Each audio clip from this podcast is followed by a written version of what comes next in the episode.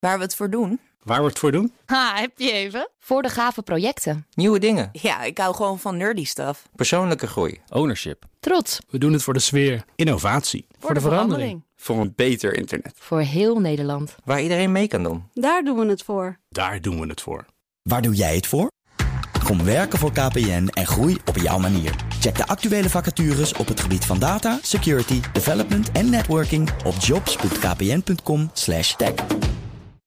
BNR Digitaal wordt mede mogelijk gemaakt door Orange Cyber Defense. Orange Cyber Defense. Build a safer digital society. BNR Nieuwsradio. Digitaal. Herbert Blankenstein. Welkom bij BNR Digitaal. De Europese Commissie komt met een ontwerprichtlijn om cryptovaluta verder te reguleren. Daarover spreken we straks met Simon Lelyveld. Maar we beginnen met een andere wet, namelijk een initiatiefwet die ervoor moet zorgen dat diensten van de overheid, zoals de politie, defensie of inlichtingendiensten, een meer zorgvuldige afweging kunnen maken of ze een softwarelek direct melden bij de ontwikkelaar. Of het toch nog even voor zichzelf houden. De gast Kees Verhoeven, Tweede Kamerlid voor D66. Welkom. Hi. We zenden dit programma live uit op woensdagmiddag. Gistermiddag is in de Kamer een stemming geweest. Wat was de uitkomst? Nou, die stemming heb ik uitgesteld. Uh, ik begrijp dat er wel gestemd dus pas... is, maar dat er uh, um, te weinig uh, stemmen voor waren. Of heb ik dat verkeerd begrepen? Nee, dat, dat is niet het geval. de stemming is uitgesteld naar volgende week omdat het uh, razend spannend is. En gisteren was er één Kamerlid en daarmee ook een Kamerfractie niet uh, uh, aanwezig. Namelijk Femke Merel Koten van Arissen. En dat betekent dat er van de 150 stemmen maar 149 konden worden uitgebracht. En het zou wel eens zodanig spannend kunnen worden dat elke zetel telt. Okay. Dus toen heb ik besloten om de stemming uit te stellen tot volgende week. Dus de stemming dreigt te verkeerd af te lopen voor jouw wetsvoorstel. Dat is waar het op neerkomt. Volgens mijn huidige informatie en tellingen heb ik 75 zetels die uh, uh, voor dit wetsvoorstel willen stemmen. En 72 die hebben gezegd dat ze tegen zullen zijn. En dat van drie het. weet ik het nog niet. En uh, van die 75 was er één afwezig. En die was natuurlijk sowieso nodig. Want anders dan zou het door een afwezigheid misschien misgegaan zijn. En dat wilde ik inderdaad voorkomen. Oké, okay, het idee is dat als een geheime dienst of recherche een lek kent. en ze houden dat lek geheim. dan kunnen ze daarmee proberen boeven te bespioneren. Wat gaat jouw initiatiefwet op dat gebied regelen? Nou, het is dus zo dat uh, zowel de veiligheidsdiensten als de politie, de opsporingsdiensten, als uh, het cybercommando van Defensie, die gebruiken dus zo nu en dan onbekende kwetsbaarheden in software, zero days, om uh, daarmee te kunnen hacken. Dus bijvoorbeeld een computer van een verdachte of van een target te kunnen binnendringen. Ja. Nou, dat is iets wat wettelijk geregeld is. Alleen de manier waarop dat gebeurt is eigenlijk volledig aan de diensten en aan de politie zelf. En dat betekent dat de keuze tussen aan de ene kant het melden van de kwetsbaarheid, waardoor die gedicht kan worden in het belang van de grotere digitale infrastructuur, versus uh, het kunnen gebruiken van die kwetsbaarheid om een target te kunnen aanvallen, dat die afweging eigenlijk niet op een zorgvuldige manier gemaakt wordt. Mm -hmm. En wat wil je daaraan veranderen? Hoe moet het anders? Wat ik wil veranderen is dat er een, een, een afwegingskader komt uh, voor al die organisaties die uh, gebruik maken van, uh, van onbekende kwetsbaarheden. op dit moment is dat alleen voor de Veiligheidsdienst het geval, omdat de Kamer twee jaar geleden een motie heeft ingediend om een afwegingskader voor de inlichting en veiligheidsdiensten te maken. Dus die wegen wel heel zorgvuldig af. Maar politie en defensie doen dat niet. Dus we willen dat het voor alle organisaties hetzelfde gaat gelden. En daarnaast willen we dat er dus breder gekeken wordt dan alleen maar het belang van de veiligheid die gebaseerd is op het, op het kunnen uh, uitschakelen van targets. En dat er dus ook gekeken wordt naar bijvoorbeeld uh, de veiligheid van de digitale infrastructuur, zoals het elektriciteitsnetwerk of het bankaire verkeer of de waternetten. ja. Uh, omdat bijvoorbeeld NotPetya, een, een, een grote aanval uh, een aantal jaar geleden, heeft laten zien dat, dat het, het, het uh, openhouden van die onbekende kwetsbaarheden de oorzaak kan zijn van digitale ontwrichting. Ja, um, als ik het wetsontwerp lees, dan zie ik dat de ministers moeten gaan afwegen. eens even kijken hoor. Um, dat ook de veiligheid van de staat een, een rol moet, moet spelen. En de betrekkingen van Nederland met andere staten. Wat ik daarin eigenlijk mis, eigenlijk, omdat dit soort zero days kunnen ook als ze niet bekend zijn, dat wil zeggen bij de politie wel bekend zijn, maar niet bij de makers van software, dus dat, er, dat het lek niet wordt gedicht, kunnen ze ook gevaarlijk zijn voor het bedrijfsleven. Ik mis in jouw wetsvoorstel wetsvoorstel de belangen van het bedrijfsleven, die worden dan niet meegewogen. Nou, de belangen van het bedrijfsleven worden wel degelijk meegewogen. De belangen van het bedrijfsleven zijn natuurlijk gekoppeld aan het, aan het, aan het belang dat je als land zeg maar, gewoon uh, infrastructuur hebt die werkt waarmee zeg maar, transacties en transport en, uh, en, en verplaatsing mogelijk is. Uh, en wij hebben dus gezegd dat in het, uh, in het wetsvoorstel stellen wij voor dat het afwegingskader ge gecombineerd wordt met een uh, commissie waarin een aantal organisaties plaatsnemen. En een van de organisaties is het ministerie van Economische Zaken. En die zou het economische belang moeten dienen en daarmee ook het belang van het bedrijf. Ja, ja, dus dat hoef je er op die manier niet expliciet in te zetten. Nee, je moet natuurlijk. Kijk, het, het, probleem is natuurlijk dat je wilt dat deze informatie, die natuurlijk vaak gebaseerd is op vertrouwelijkheid en soms zelfs op staatsveiligheid, dat die niet veel, heel breed bekend is. Behalve als je natuurlijk de keuze maakt om het te melden, want dan maak je het bekend aan de softwareproducent. Maar de afweging of je wel of niet gebruik maakt van een bepaalde zero-day, die moet je in een kleine kring maken. En die kleine kring betekent dat je bijvoorbeeld niet uh, het bedrijfsleven uh, als zodanig daar een rol in kan geven, maar dus wel bijvoorbeeld het ministerie van Economische Zaken op die manier mee kan laten kijken. Ja. Um, uh, de Raad van State die, die heeft hier een advies over uitgebracht. Zij vonden deze initiatiefwet niet nodig. Um, waarom ga je daar tegenin? Uh, nou, omdat het, de Raad van State uh, de initiatiefwet eigenlijk te smal heeft benaderd. De, de, Raad van State is in de veronderstelling dat dit alleen geldt voor de veiligheidsdiensten. En daarmee zeggen ze eigenlijk van ja, er is al een kader voor de veiligheidsdiensten. Ja, dat klopt. Dat is dankzij een motie die ik zelf samen met de VVD, hè, D66 en VVD, hebben samen die motie twee jaar ingediend om dat afwegingskader voor de inlichtingendiensten te maken. Maar de Raad van State gaat voorbij aan het feit dat zowel politie als uh, cybercommando van Defensie geen kader heeft voor die uh, onbekende kwetsbaarheden, terwijl ze die wel degelijk ook gebruiken. Dus de Raad van State doet eigenlijk alsof mijn wetsvoorstel over de inlichtingendiensten gaat. En ze willen bijvoorbeeld ook een rol geven aan de toezichthouder van de inlichtingendiensten. Terwijl die natuurlijk niet gaat over uh, opsporing en, en defensie. Dus uh, als, het, als mijn wetsvoorstel alleen over de inlichtingendiensten was geweest, dan had ik de Raad van State begrepen. Maar nu ben ik het echt met ze oneens. En mijn wetsvoorstel is een stuk breder dan, dan de Raad van State uh, suggereert. Ja, ja, ja. Um, je hebt al gezegd, uh, die zero days, het gebruik daarvan kan een uh, gevaar vormen voor de digitale infrastructuur. Hoe zou dat dan precies werken? Nou ja, als een zero day open blijft, dan wil dat eigenlijk zeggen dat de software uh, waar, uh, waar hè, de softwarefout uh, die, die, waar het om gaat, dat die dus niet gedicht wordt. En een softwarefout is eigenlijk een deur, een achterdeur worden ze vaak genoemd, waardoor iedereen die er verstand van heeft of de mogelijkheden daartoe heeft, door naar binnen kan. Um, nou, dan denk je van nou dat is fijn, want dan kan ik daarmee een computer van een terrorist binnendringen en dan hebben we de veiligheid van het land gediend. Maar tegelijkertijd zie je dat als zo'n softwarefout niet gedicht wordt, dat er hackers zijn of uh, ons vijandige staten die diezelfde uh, gaten in de software eigenlijk gebruiken om nou ja, bijvoorbeeld een land te ontwrichten of bepaalde delen van de economie uit te schakelen. En dat is dus niet een theoretisch gevaar, maar dat is daadwerkelijk een aantal keer gebeurd in de afgelopen jaren. Ja. Uh, en dat kwam bijvoorbeeld omdat de Amerikaanse inlichtingendienst NSA een bepaalde zero-day niet goed uh, had, uh, niet had gemeld en ook niet goed had bewaard. En daardoor was er een hackerscollectief die daarmee een, een, hele grote wereldwijde cyberaanval heeft kunnen. Ja. Ja. ontketenen. Je zegt de, de, voor de inlichtingendiensten is het eigenlijk al redelijk geregeld, politie nog niet. Um, is de politie eigenlijk actief bezig met het verzamelen van dit soort zero days? Nou, de, de, het probleem is eigenlijk dat de politie de bevoegdheid heeft gekregen via de wet computercriminaliteit 3 uh, uit 2017. Uh, waarbij ze bijvoorbeeld uh, ook de mogelijkheid hebben om kant-en-klare digitale wapens, hacktools aan te schaffen. Mhm. Mm -hmm. En in tegenstelling tot de diensten... kopen die... bestaat ook, bedoel je eigenlijk? Ja, dus je ja. koopt kant-en-klare wapens in plaats van dat je als het ware de onderdelen zelf vindt. en wat D66 steeds gezegd heeft is... De overheid moet gebruik kunnen maken van onbekende kwetsbaarheden in uiterste gevallen, maar dan liefst wel zelf gevonden onbekende kwetsbaarheden. En niet zozeer kant-en-klare hacktools van schimmige bedrijven uh, uh, op het darknet van het internet. Dus ja. De politie koopt met name kant-en-klare tools en heeft veel minder capaciteit en kwaliteit om ze zelf te ontwikkelen. Wat bijvoorbeeld de diensten wat meer doen. Waardoor je eigenlijk ook nog eens te maken hebt met black boxes. Uh, en dat is eigenlijk ja. nog onwenselijker. Dus wij vinden juist dat de politie de bevoegdheid wel moet hebben, maar wel veel beter zou moeten gebruiken met veel meer kennis. Ja, minister Grapperhaus um, vindt dit eigenlijk geen goed wetsvoorstel, begrijp ik, hè?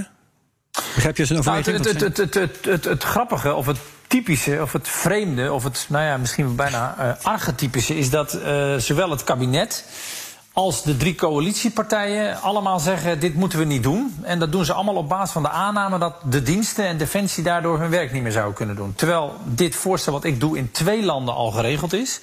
Namelijk Amerika en het Verenigd Koninkrijk. En dat zijn nou toch echt geen landen die zwakke inlichtingendiensten hebben... die, uh, die met hun handen op de rug de digitale wereld intreden.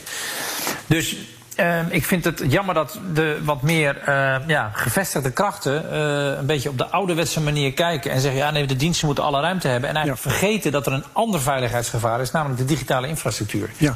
die is wordt... echt de afgelopen jaren onder druk komen te staan. En ik vind het eigenlijk wel zorgwekkend dat nou ja, dat mijn drie coalitiegenoten, maar ook het kabinet, eigenlijk uh, die, ja, die kant van het verhaal niet ziet. En wordt de stemverhouding dan straks in de Tweede Kamer, als iedereen bij elkaar zit uh, en er geen uh, lege plekken zijn, coalitie min D66 tegen oppositie plus D66? Uh, ja, waarbij, uh, waarbij inderdaad nog een aantal andere partijen uh, zeg maar aan weerszijden staan. Maar dat is een beetje hoe het er nu uitziet. En dat doet me eigenlijk nou, niet, niet echt een groot plezier. Omdat ik het fijner had gevonden als hier wat meer overeenstemming over was geweest. Ja. Uh, ook omdat ik een vrij genuanceerd wetsvoorstel uh, heb ingediend... waarbij ook nog mogelijkheden zijn voor het kabinet zelf... om dingen nader in te vullen. Maar ik wil deze richting graag uh, doen. Oké. Okay. En nou ja, normaal gesproken heb je ook in de coalitie... wel een aantal partijen die aan jouw kant staan. Maar dat is nu gek genoeg niet het geval. Dus wanneer deze stemming... En dat zegt ook wel iets over, het, ja, over de kennis van het onderwerp in de politiek. En dat is misschien wel mijn grootste zorg. Ja. Wanneer is de stemming? Komende dinsdag. Komende dinsdag. Hartelijk bedankt voor de toelichting, Kees Verhoeven, Tweede Kamerlid D66. Herbert Blankenstein. In BNR Digitaal blijven we nog even bij wetgeving. Want de Europese Commissie is met een ontwerprichtlijn gekomen. die cryptovaluta meer moet reguleren. Gaan we het over hebben met Simon Lelyveld, technisch bedrijfskundige. en adviseur op het gebied van financiële regelgeving en toezicht. Welkom, Simon. Wat is het doel van deze nieuwe richtlijn?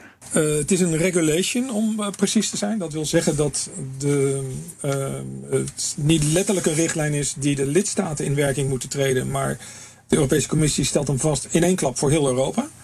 En dat is stap 1. Dus het is een Europa-brede verordening die in één klap in werking treedt. Dat is technisch even een, een, een, verschil. Ja.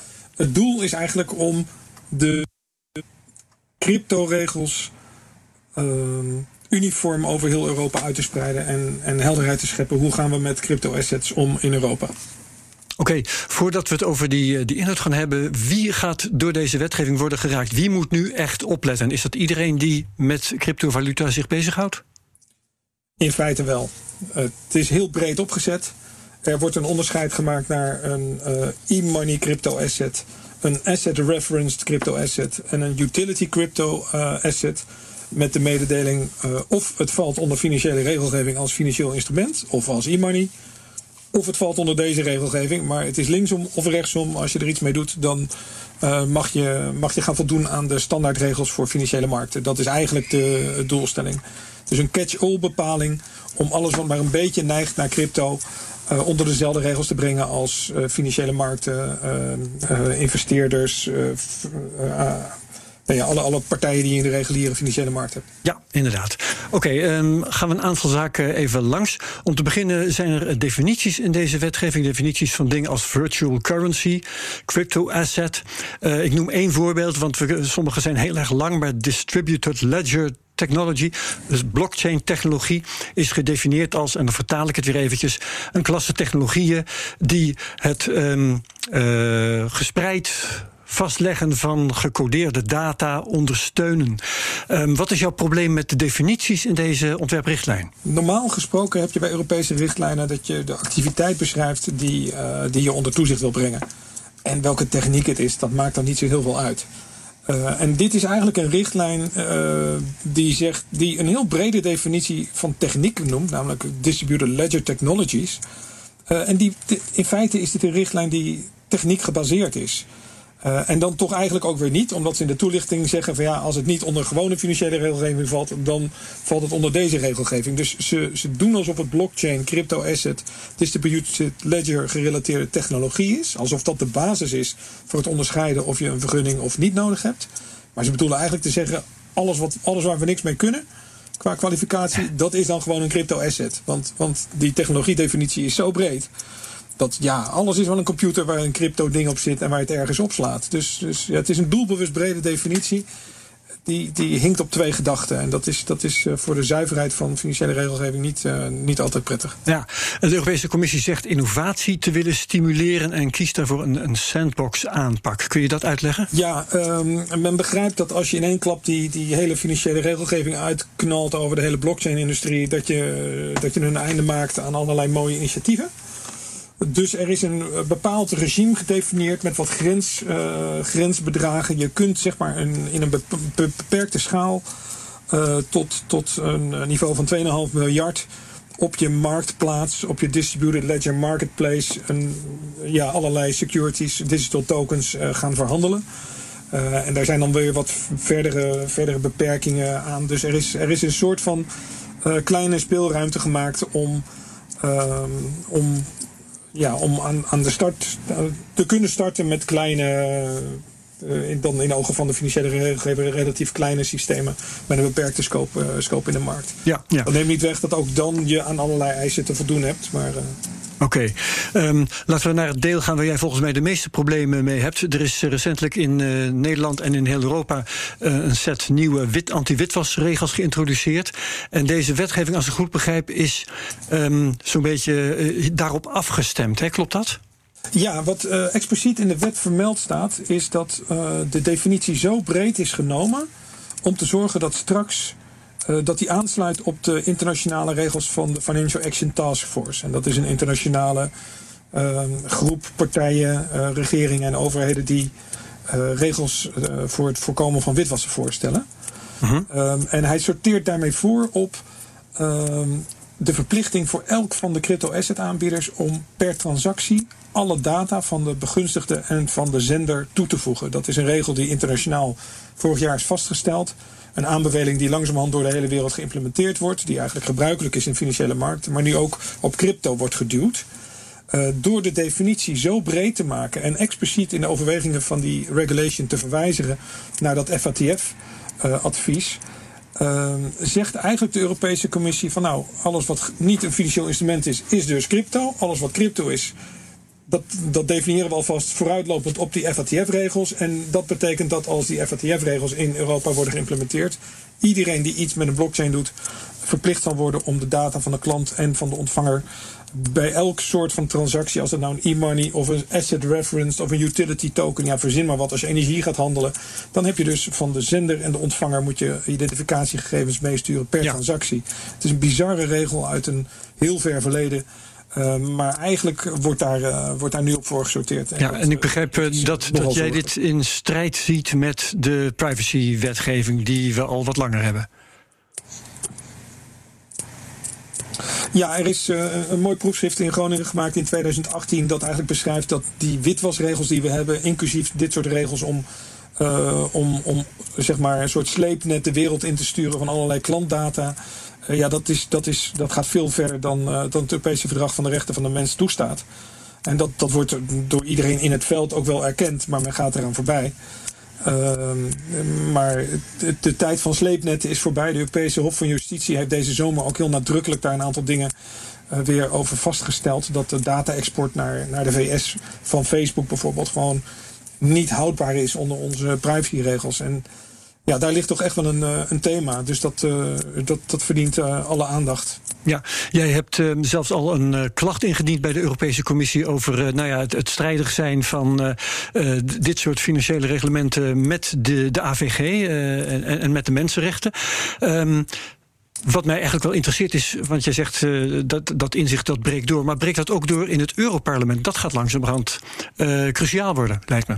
Um, ja, dat, dat is te hopen. Daar is men in ieder geval iets scherper op mensenrechten uh, vanuit het Europese domein dan in, uh, dan in het nationale domein. Uh, er is destijds ook rond de dataverstrekking van SWIFT heel veel gebakkeleid tussen Europa en de VS. Dus ik, dat, dat is een natuurlijk ecosysteem om meer responsief te zijn op dit onderwerp.